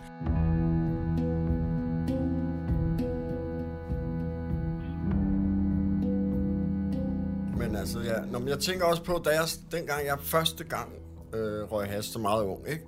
Jeg tror også, den der følelse af ikke at være god nok og alt det der, det tror jeg faktisk, det var den, jeg jagtede de næste 23 år. Ikke? Og jeg fandt Ja. den aldrig igen. Nej, Men den der første den gang, der første high der, ja. hvor jeg kom væk, ikke? Og også at jeg også fra start tænkte, det stopper i morgen, ikke? Agtigt, sådan. ja. Altså, og, og hvad hedder nu? Så finder man ud af, i morgen, der kan jeg bare ryge igen. Er jeg igen, ikke? Og så, men den der, hvor, hvor fantastisk. Men, men den der følelse af, at du, øh, hvad hedder nu, og føle, altså, er den væk i dag, den der mere? Altså, nogle gange står jeg jo op og kigger mig selv i spejlet og tænker, ah, der var der. kan, man, øh, kan man få nok af dig? Nej, det kan man ikke. Og så andre dage er det bare, øh, er det dig igen, ikke? Ja. Øhm, nej, det gør den jo ikke. Men, øh, men den, du lever med den i dag uden øh, sådan... Jamen, det gør, det gør jeg også, fordi det, der er jo syret ved, det er, når man bliver ædru. Det kan vi jo gå ind til, fordi der, så bliver jeg ryger jo fandme på hospitalet, og der ligger en måned, og så bliver jeg ædru. Øhm, og da jeg kommer ud og er ædru, så står man jo, altså man er jo, man er jo et blankt stykke papir. Jeg var, me- jeg var manden uden holdninger. Ja. Jeg var manden uden meninger. Ja. Jeg var manden uden personlighed. Du ved, fordi du kommer bare ud, så står du bare der. Det som du, 80% af hele din, din, din personlighed og dit liv og alt det har været bundet op i det der på en eller anden måde, ikke? Så man står bare, fuck man, man står nærmest og tænker, nu skal jeg starte forfra. Ja, hvor skal jeg begynde? Lige præcis, ja. lige præcis. Hvor fuck skal jeg begynde, ja. mand? Hvem er jeg nu? Ja. Og hvem vil jeg gerne være? Og hvor skal jeg hen af? Og jeg kan huske, fordi så begyndte jeg jo så, jeg fik jo så, det var jo der, jeg fandt ud af det, fordi jeg fik jo så den der depression. Da jeg så kom ud øh, af hospitalet, jeg lå der en måned, og jeg overlevede, og jeg træffede beslutningen om, nu skulle jeg være ædru. Det var også, fordi min, min øh, mor kommer og besøger mig på det hospital, og første gang kigger min mor i øjnene og siger, jeg er alkoholiker, altså jeg, jeg kan ikke styre det her. Og, sådan. og, øhm, og, og, og det, det, det var hårdt. Det, det var fandme, det var der, hvor virkeligheden den virkelig ramte. Altså, da jeg lå i den der hospitalseng, da hun trådte ind i lokalet, og jeg så hendes ansigt, der brød jeg bare grædende sammen. Altså, fordi vi, vi, der har aldrig været øh, bad blood imellem os. Sådan. Altså, vi har aldrig øh, haft øh, store, vilde skænderier i mit voksenliv, eller været uvenner i en periode. Eller, at vi har altid haft det godt med hinanden. Så, så der brød jeg sådan virkelig, virkelig sammen. Og det gjorde også rigtig meget ved at, at skulle træffe den her beslutning om at blive et. Og så var Asal, som jeg jo ikke var sammen med, da jeg blev indlagt, men som faktisk var hende, der fik mig på hospitalet jo, øh, som man også ser i dokumentaren. Så vi begynder også ligesom at finde sammen igen. Hun kommer og besøger mig hver dag på hospitalet og laver mad og tager med, fordi det er noget lortemad, de har på hospitalet og sådan noget. Så vi begynder sådan at, at finde, øh, finde, finde hinanden igen. Så, så jeg træffer beslutningen om at blive ædru, og så kommer jeg ud af hospitalet, og så, så rammer den der fucking depression. Ja. Øh, og jeg ved jo ikke, hvad der er, der sker på det her tidspunkt. Der ved jeg ikke noget om dopamin og glæde, øh, glædestoffer, altså jeg ved intet. Så jeg tænker bare, fuck, jeg har det ring, mand. Og jeg får det værre og værre og værre. Og jeg, til sidst, der, jeg laver ikke andet end at sidde på, på en altan og ryge smøger og høre deprimerende musik. Jeg har det simpelthen så skidt. Altså, jeg har ikke lyst til noget. Jeg gider intet, altså. Og får selvfølgelig den helt... Den mest almindelige tanke, som misbruger man kan få på det tidspunkt, det er, så kan jeg lige så godt drikke mig selv ihjel. Ja. Altså, hvis det er sådan her, det er at være ædru, hvad laver jeg så det her for? Så vil jeg hellere have det dårligt fuld. Præcis, ja. du ved ikke, så vil jeg hellere bare tage et halvt ja, eller et helt år ja, mere ja. på den gode gamle, og så, så, er det, så er det det, du ved ikke, og så kan jeg sælge en masse plader, og så, fordi Gå det gør man, ja, så kommer jeg helt sikkert til at sælge en masse plader, når jeg er død, du ved ikke. Øhm, så, så, men jeg er sådan virkelig, virkelig, virkelig helt ned. Og så øh, siger Asal der så til mig, at jeg må prøve at gå til, til lægen. Og jeg går til lægen, det er, en- det er en ny læge, tager op til hende, jeg har ikke været hos hende før, øh, og vi ender med at blive gode venner. Men første gang, jeg kommer derop, der bliver jeg rigtig sur på hende. Fordi hun jo, hun kigger på min journal og siger, det er da godt nok også noget af en tur, du har været igennem. Ja, det er det. Og så forklarer hun mig, hvorfor min hjerne den er, som den er. Og forklarer det her med dopamin, endorfin og hjernen, bum bum. Og hun vil så selvfølgelig give mig noget antidepressiv. Lykkepiller, som man også kalder det. Det var jeg jo fandme ikke meget for. Jeg tænkte, fordi jeg var også i slutningen af mit misbrug, var jeg begyndt rigtig meget på downers. Altså receptpligtigt, er ikke dololer, stesolid, valium, alt Det er sådan noget. Lige præcis, ikke? Og det er jo fordi, at det kan tage øh, de, lige toppen af abstinenserne. Når man har de her fysiske alkoholabstinenser, ikke? Så, kan man, så kan det lige sådan tage, tage toppen af dem. Så jeg er sådan lidt, ej, nu er jeg fandme også endelig kommet ud af alt det pillelort, og sådan, jeg skal ikke til at have nye piller. Så ringer jeg til min storebror, som han er læge, men på det her tidspunkt, der har han videreuddannet sig til neurolog, som jo er sådan en læger, der har med hjernen at gøre. Så jeg tænker, han ved noget, så jeg ringer til ham. Og min storebror, udover, udover at være neurolog, så er han også rigtig meget fra Nordjylland. Så han siger iskoldt til mig, så siger han, kan du huske der for et par år siden, da din bil den gik i stykker? ja, det kan jeg godt huske. Hvad? Hvad? hvad? Hvad gjorde du så? ja, så gik jeg til mekanikeren og fik den repareret. Hvor fanden vil du hen med det her? Ja, din hjerne er i stykker. Gå til lægen og få den repareret. okay, iskoldt. Så kom jeg så i, øhm, i antidepressiv behandling, og det hjalp. Men der manglede stadigvæk noget. Altså, jeg, jeg, jeg, jeg, jeg kunne godt mærke, at jeg fik det bedre. Jeg kunne godt mærke, at den der sort sky forsvandt, og jeg kunne godt mærke, nu havde jeg rent faktisk lyst til at stå op om morgenen. Mm. Og jeg havde rent faktisk også til at, lyst til at begynde at finde ud af, hvad skal jeg med mit liv nu? Jeg havde lyst til at begynde at, at bygge min, min personlighed op. Og så var der så en, der, der foreslog AA. Og, og det ændrede virkelig tingene for mig. At komme til. Anonym, Anonym alkoholiker. Vil jeg bare Ja. sige til lytterne. ikke? Ja, jo, lige Nå, jamen, præcis. det er mere, ja. Det er der mange. Jamen, jeg gør det også tit, når jeg, når jeg holder foredrag, så kommer jeg også tit til bare at sige AA. Ja. Nogle gange så er det sådan nogle 15-16-årige folkeskole. Sådan, øh, er det den der sang dobbelt du har lavet? Nej, det er noget, det er noget lidt andet. Lidt andet AA. Dobbelt det meget Kan man drikke, drikke igen i dobbelt? Ja, hvad fanden går det ud på det der? Nej, så... Og det er øh, også det, jeg synes i udsendelsen, der er virkelig er smukt. Altså. Jo, Men ja, det var jo sådan, vi kom i kontakt, siger ja. det der med, at så fandt jeg til AA. Og Jo. så det ændrede det hele. Det gjorde det, og det var fordi... Altså, der var nogen, der forstod ikke. Nemlig, fordi det der var sådan med det, det var, at jeg gik jo rundt og troede, jeg var den eneste. Det har I helt sikkert også gjort, Ja, ja. ikke? I er de eneste i verden, der har det sådan Ingen, her. der har det så der er dårligt ingen, der har det ligesom Eller mig. der Der... er ingen, der er ligesom misforstået geni som mig. Ja, lige ja. præcis. Og der er ikke nogen, der er, der er ikke nogen, Der forstår der mig. forstår hvordan det er at være mig. Det er der ikke nogen, der kan forstå, hvorfor jeg har behov for det her hele tiden. Og så man føler sig nærmest sådan lidt dum, ikke, når man så kommer ned til A-mødet, ja. ved ikke, fordi så begynder det, jeg kan huske, jeg tænker, hvad laver jeg her? Med alle de her gamle idioter, har siddet derhjemme og set lykkehjul, og har drukket for meget rødvin, du ved ikke, og sådan noget der. Hvad ved de om fucking Nieren, baby? Du ved ikke, hallo, jeg er fucking Nieren, baby. Hvad ved de om mig, du ved? Og så begynder de jo at dele alle sammen. Ja. Ja. Og så er det jo den samme historie, bare med forskellige foretegn, ikke? Og det er de samme følelser. Det er alle mine følelser, alle de der øh, følelser øh, omkring utilstrækkelighed og lavt selvværd, og alle de der, du ved ikke, altså sidder og, og, og, og, og deler, og så som jeg senere hørte en, en, en, en person sige til et, et, hendes første A-møde, hun var overrasket over så meget, der blev grint, og det ja. var jeg også. Ja. Folk sad jo og grinte, vi sad og grinte af hinanden, og vi forstod hinanden, og vi var øjenhøjde, og efter det der første møde, stod jeg halvanden time eller sådan noget bagefter, og snakkede med, med, med en to-tre stykker, ja. der også har været til møde der, ikke? Øh, og det var, det, det ændrede fucking meget for mig, også fordi, at, at jeg kunne se, at de var glade. Og jeg kunne se, at de var oprigtig glade. Jeg kunne se, okay, ham der, hvor længe har du? Jamen, jeg har fire år. Jeg kunne se, okay, han har undværet, i gåseøjne, ikke? Undværet, Ja, undværet, lige alkohol i fire år, og han er pisseglad. Ja. Og jeg kan pause. mærke, og jeg kan se på ham, at han er oprigtig glad. Han har det virkelig fucking godt. Og så tænkte jeg, det kan fandme også ske for mig, ja. det der. Og så begyndte jeg ligesom at tage det der blank stykke papir, og udfylde det helt forfra. Ikke? Man skal bygge den der personlighed op helt, helt fra, fra, fra bunden af igen. Ikke? Altså, øhm, men det hjalp jeg af med. Altså, det Og var det er jo også, glad øh, Det er det, der er det magiske ved. Det, det er jo, at, at, at der er eksempler på en direktør i en højt lønnet stilling, ikke? der er den arbejdsløse, ikke? der er musikeren, ikke? der Nemlig. er alt for, der er alt mellem himmel og jord. Ikke? Men, men det, der er det samme, det er, det er historien, det er genkendelsen. Ja. Og det er også det, der, der, der, er sådan, man sige, der forbinder os, og det er også det, der gør, at, at, at man, man, man har det på den måde, men med at sidde og grine af det, ikke? fordi hvad fanden skulle vi ellers skulle sidde og tude i ørerne af hinanden? Nemlig. Det kommer vi ingen steder med. Nej. Lad os få en fest, det vi nu kan, fest. Ja.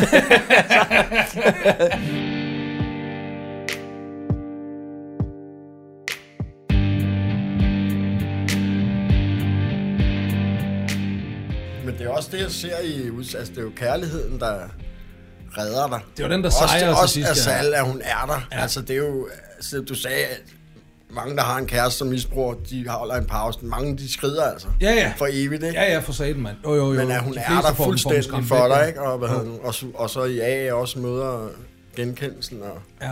Jamen, næste var- kærligheden og alt det der. Altså, det er jo meget smukt. egentlig. Det er det, der kan få dig til at ændre. Jamen, det er det, og det er også Det er derfor, så meget. jeg deler min historie så meget, som der er nogen, der gider overhovedet lytte. Jeg har en eller anden, jeg har åbenbart ikke... Jeg ved ikke, jeg kan ikke, det er fordi, jeg møder virkelig mange misbrugere, der skammer sig over det, og helst ikke vil snakke om det, og ikke taler højt om det, og sådan noget, hvor jeg sådan, jeg kan ikke, jeg kan ikke skamme mig over det der. Det, det, altså det, jeg har været en kæmpe, kæmpe idiot og en kæmpe spade, men, men der, der har jo ikke været noget ondt i det. Jeg, er- jeg er et meget kærligt og venligt menneske, du ved ikke? Altså, så det, jeg kan ikke...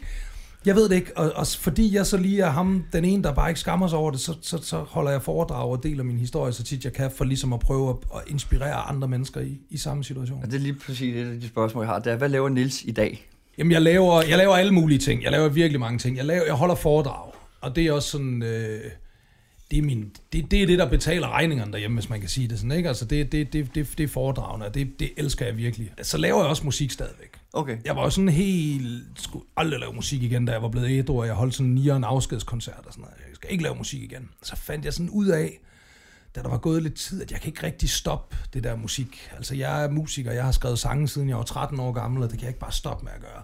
Altså, jeg er jo også nogle gange ude øh, og lave open mics. Det er jo også der, jeg har mødt jer. Ja. Øh, open mics, stand-up comedy. Ikke fordi jeg laver stand-up comedy, men jeg fortæller de her historier, og det passer meget godt ind i, i hele stand-up-genren. Så sådan, når jeg skal afprøve de her historier, tager jeg ud på open mics, og har også været inde og lave en, en halv time på Comedy Zoo og sådan noget der. Så jeg laver vildt mange ting. Jeg har også skrevet en bog jo, og, og skal måske skrive en mere og sådan noget. Så det, jeg laver, jeg er virkelig sådan Fantastisk. Jamen, jeg, jeg, er sådan helt, jeg er helt givet op på sådan at prøve at sætte mig selv i bås. Jeg laver virkelig bare, hvad jeg har lyst til. Jeg Hvis jeg har lyst for. til at lave podcast, så gør jeg det. Hvis jeg har lyst Mm. til at skrive en bog, så gør jeg det. Hvis jeg har lyst til at lave en sang, så gør jeg det. Hvad jeg synes også, fordi som vi snakker om helt i starten, jeg har altid haft en meget god føling omkring, hvad jeg er god til, og hvad jeg ikke er god til. Ja. Ja. Og hvis der er noget, jeg tænker, hey, det tror jeg godt, jeg kunne være god til, der, så kaster jeg mig over. Så kører vi på den. Ja. Vi har et, et, et spørgsmål, som vi, vi stiller folk, som måske godt kan virke lidt over åndssvagt første. Men det er, øh, hvilke tre ting, du vil tage med på en øde ø, som Nieren, og nu som der, Niels. der er lige et, vi lige mangler et før. Og hvad er det? Det er dit bedste spørgsmål. Det lyder godt. Ja. Det er mit, mit bedste spørgsmål. Hvad vil du sige, hvis du... Nå, hvis...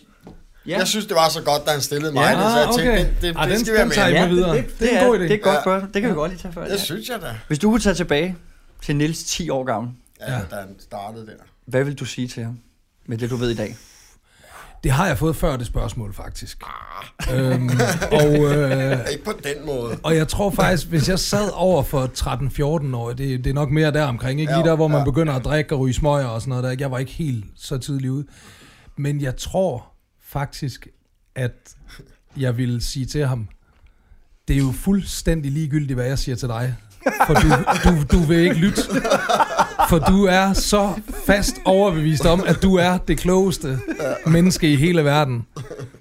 Men nu vil jeg prøve at sige til dig, så kan det være, at du, du på et eller andet tidspunkt hen over de næste 20 år, at du vil komme i tanke om, du er fucking alkoholiker og misbruger. Se på dit mønster. Se, hvordan du drikker. Se, hvordan du ryger smøger bare. Se, hvordan du spiser. Du er fucking misbruger af natur. Tænk over det, når du laver alle de her ting. Se, hvordan du... Spørg dig selv, om det er godt for dig. Lige præcis, ja. Lige præcis, ja. Der var lige den med den øde ø. Det synes Ja. jeg Ja, det lidt det, vi interessant. har- vi har Ja. lidt, øh, hvilke, hvilke ja. tre ting, du vil tage med på en øde ø, som Nieren og som Nils? Oh, ja. Jamen altså, som, som nieren, den er meget, meget, meget simpel. Ad libitum sprut. Ad libitum... Øh, jeg tror lige på en øde ø. Nu, se, nu kommer, se, nu kommer misbrugeren straks op i mig. Nu begynder man straks at tænke. Fordi jeg tror jeg på en øde ø, der er jeg alene. Og der tror jeg bare ikke, coke er optimalt. Selvom jo, eller al- alkohol er mit hovedstof, Ja. ja. og, og på en meget solid anden plads, der ligger kokain, ikke? Men jeg tror faktisk, når vi snakker en øde ø, så tror jeg bare, jeg vil tage øh, sprut, chal og cigaretter. Så må jeg spise, hvad der ligesom er. Det, ved ikke? det, kunne også være, man skulle, det kunne også være, at man så skulle være lidt fornuftig og så sige uh, guldøl, Ja. øh, chal og smøger. Ikke? Fordi Mætter guldøl, mere. du kan jo godt, du kan teoretisk set, kan du leve af guldøl. Ja. De sidste to-tre måneder, øh, da jeg var aktiv, der, der sagde mad mig ikke noget længere til sidst. Det var, det var ligegyldigt. Ja. Det, øh, jeg tog en guldbar eller en streg coke, ja. eller måske lige ned og købe sådan en cheeseburger til en 10'er nede på Mac'en eller sådan Ja. ja. noget der, ikke? Øhm, så, så jeg tror, nu, nu til dag, så vil jeg jo også være fornuftig øh, i forhold til at tænke, jamen øde ø, så skal jeg jo ikke tage cigaretter med, fordi så kan jeg jo rent faktisk stoppe med at ryge. så jeg vil nok sige min kone, min datter og kaffe.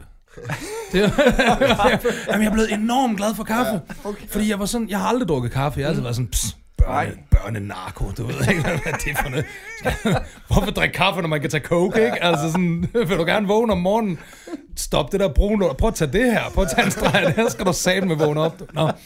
Øh, så begyndte jeg at gå i AA, og så kunne jeg jo bare godt se, kæft, der bliver høvlet noget kaffe til de Må her jeg lige komme med en fodnote til den? Ja. Jeg går til AM, og min service, det er at brygge kaffe hver mandag, og gå noget trøster, hvis kaffen den er to minutter Oh, forsinket. yes. Det er næsten værre, end at nægte en alkoholiker alkohol. Ja. Er du så? Der skal være kaffe til sådan noget, og der skal være nok.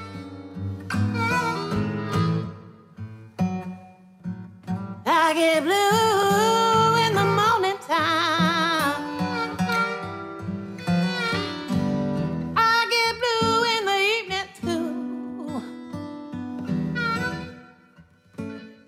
Savner du nieren? Åh, savner jeg nieren? Det er et godt spørgsmål. Det kan jeg godt gøre nogle gange. Altså det er, sådan, det er jo også, det er jo samtidig, i samtidig ligger spørgsmålet også lidt, savner du at gå på druk, og savner du din gamle livsstil og sådan noget der. Jeg kan godt gå forbi et værtshus, eller der var her bare så sent som her den anden aften, så gik jeg, gik jeg hjem og bare så sådan nogle unge gutter der, der bare var på vej i byen, og de var stive, og jeg kunne se, at de var på snitter og sådan noget der, der ved ikke, de var helt op at køre. Og så, nu har jeg fået det sådan med min reptilhjerne, at jeg sådan helt sådan, nå, for sagde, nå, der var du, så kom du lige var, og prøvede at bilde mig ind, at, at det der, det kunne være sjovt, hvis jeg gjorde det i aften, du ved ikke, for den kommer. Det gør den, og den ja. kommer nogle gange. Jeg går forbi et værtshus, og det snakker vi også om lige inden vi gik på, du ved, går forbi et værtshus, ser sådan fire øh, venner, der højst sandsynligt har kendt hinanden i mange år, der sidder der og får nogle bajer og sådan noget, ikke? og så kan min reptilhjerne også lige komme og sige, ah, det var fandme sjovt, var det? Eller, oh, du var kongen af den der bar, du var. Ja. Øhm, men, men, men, men så skal jeg jo ikke andet end lige kigge på min datter og kigge på mit liv nu og sådan noget. Så jeg vil sige, jeg savner ikke nieren, og jeg savner ikke min, min, min vilde livsstil øh, overhovedet. Jeg savner ikke det liv, jeg havde dengang. Jeg tror bare nogle gange godt, jeg kan savne at være 21, og det tror jeg ja. faktisk ikke, det er anderledes fra alle andre. Nu er jeg lige blevet 40 her i juli, ikke? Og jeg tror sgu alle, der har rundet 40, de godt kan savne at være 21 nogle gange. I mit tilfælde, der er det så bare, hey, jeg er alkoholiker, så ja. derfor kan jeg ikke længere... Jeg, jeg, dør, ikke længere, jeg dør af det, du ved ja. ikke, og jeg smadrer hele mit liv, jeg mister alt det, det jeg har kært, ja. du ved ikke, altså det, så... Så, så jeg kan godt savne det, men, men, men ikke så meget, at jeg på nogen måde har lyst til, at det skal være en del af mit liv igen. Er du stolt af dig selv i dag? Altså, jeg synes jo, det er, når du, det, det du siger i programmet er, det, dit mål i livet er, at din datter... Ja. Og jeg var lige ved at blive i tvivl, om det var en dreng. Ja, ah, jo, det er en pige, okay. ja, hun kan kigge på dig og sige, at du var den vildeste, bedste ja. far, ikke? Det er det eneste, fordi jeg er så, der er faktisk mange, øh, der siger til mig, folk misbrugere, der har børn, og som har været forældre, mens de stadig var misbrugere. Der er mange, der siger til mig, at du skal være så, så glad, glad for, ja. at du først er blevet far, efter ja, du ja. blev ædru. Det er en lang Øh, for, ja, også, der tror jeg også bare, der er nogle samvittighedsting, Jamen, som man aldrig helt ja. kommer så over. Ja. Min, min bedste ven bliver clean, og så, nu er jeg clean, og så står datteren der. Ja. Så kommer alt svigtet, ikke? Og man Lige tror præcis. bare, at så står den røde det løber, ikke? Men ja. altså, ja, nå. Og jeg er jo sådan rimelig, jeg er jo sådan rimelig afklaret, og, og min samvittighed er sådan rimelig fået sagt undskyld til de mennesker, der skulle sige undskyld mm. til og sådan noget. Men jeg kan mærke, altså også, jeg møder jo jeg møder folk, der har været ædru i 10 år, og deres børn, altså voksne børn, ikke, vil stadigvæk ikke have noget med dem at gøre, selvom de har været ædru og clean i 10 år, fordi de har simpelthen såret dem så meget. Ja. Øhm, så, så ja, og, og, og, det, og jeg har et vildt godt forhold til min datter, øh, og det, det er virkelig, det er det eneste, jeg har behov for her i livet. Efter jeg har fået hende, jeg er ligeglad med at blive rig, jeg er ligeglad med at være smuk, og jeg er ligeglad med, jeg er ligeglad med alt, mand. Altså, jeg er ligeglad med, hvad folk synes om de ting, jeg laver, og jeg er fuldstændig ligeglad jeg vil bare, så længe, at når jeg en dag ligger, øh, og hun er kommet for at, at sige farvel til mig, ikke? at hun så bare kan kigge mig i øjnene og sige, du, jeg kunne ikke ønske mig en bedre far, end du har været. Det er det eneste, der fucking uh, betyder noget for mig overhovedet. Fantastisk. Tak. Tror vi sige tusind tak, ja, fordi du havde tak. lyst til at Selv tak, det var en fornøjelse. Ja, det, ja, vi, det vi kunne, det skal ikke være nogen hemmelighed, vi kunne fortsætte den her snak i fem timer, fordi sådan er det med, med, med ædru misbrug. Vi har så mange ting at snakke om. Der er bare om, en, der skal spørge om min fortid, så får de en doktorafhandling. Lige præcis. Det og hvis det. jeg bliver ved at snakke længe nok, så fortæller ja. jeg også noget, jeg ikke selv har oplevet. på et eller andet tidspunkt. Så, det, og det er jo netop det her med, at, at det er jo det, vi snakker om, når ja. vi kommer til det AA-møde. Ikke? Altså, det er fucking, det er den samme historie, det er bare med forskellige ja. foretegn. Ja. Derfor kan man blive ved med at sidde og, ja. Og nikke genkendende ja. til alle mulige ting. Men det, har virkelig, det har været virkelig fantastisk. Kæmpe fornøjelse. Og vi vender jo tilbage i næste uge med en ny gæst. Ja, så vi glæder os til at præsentere. Ja. Så, men i hvert fald tak for nu. Ja. Selv tak. tak.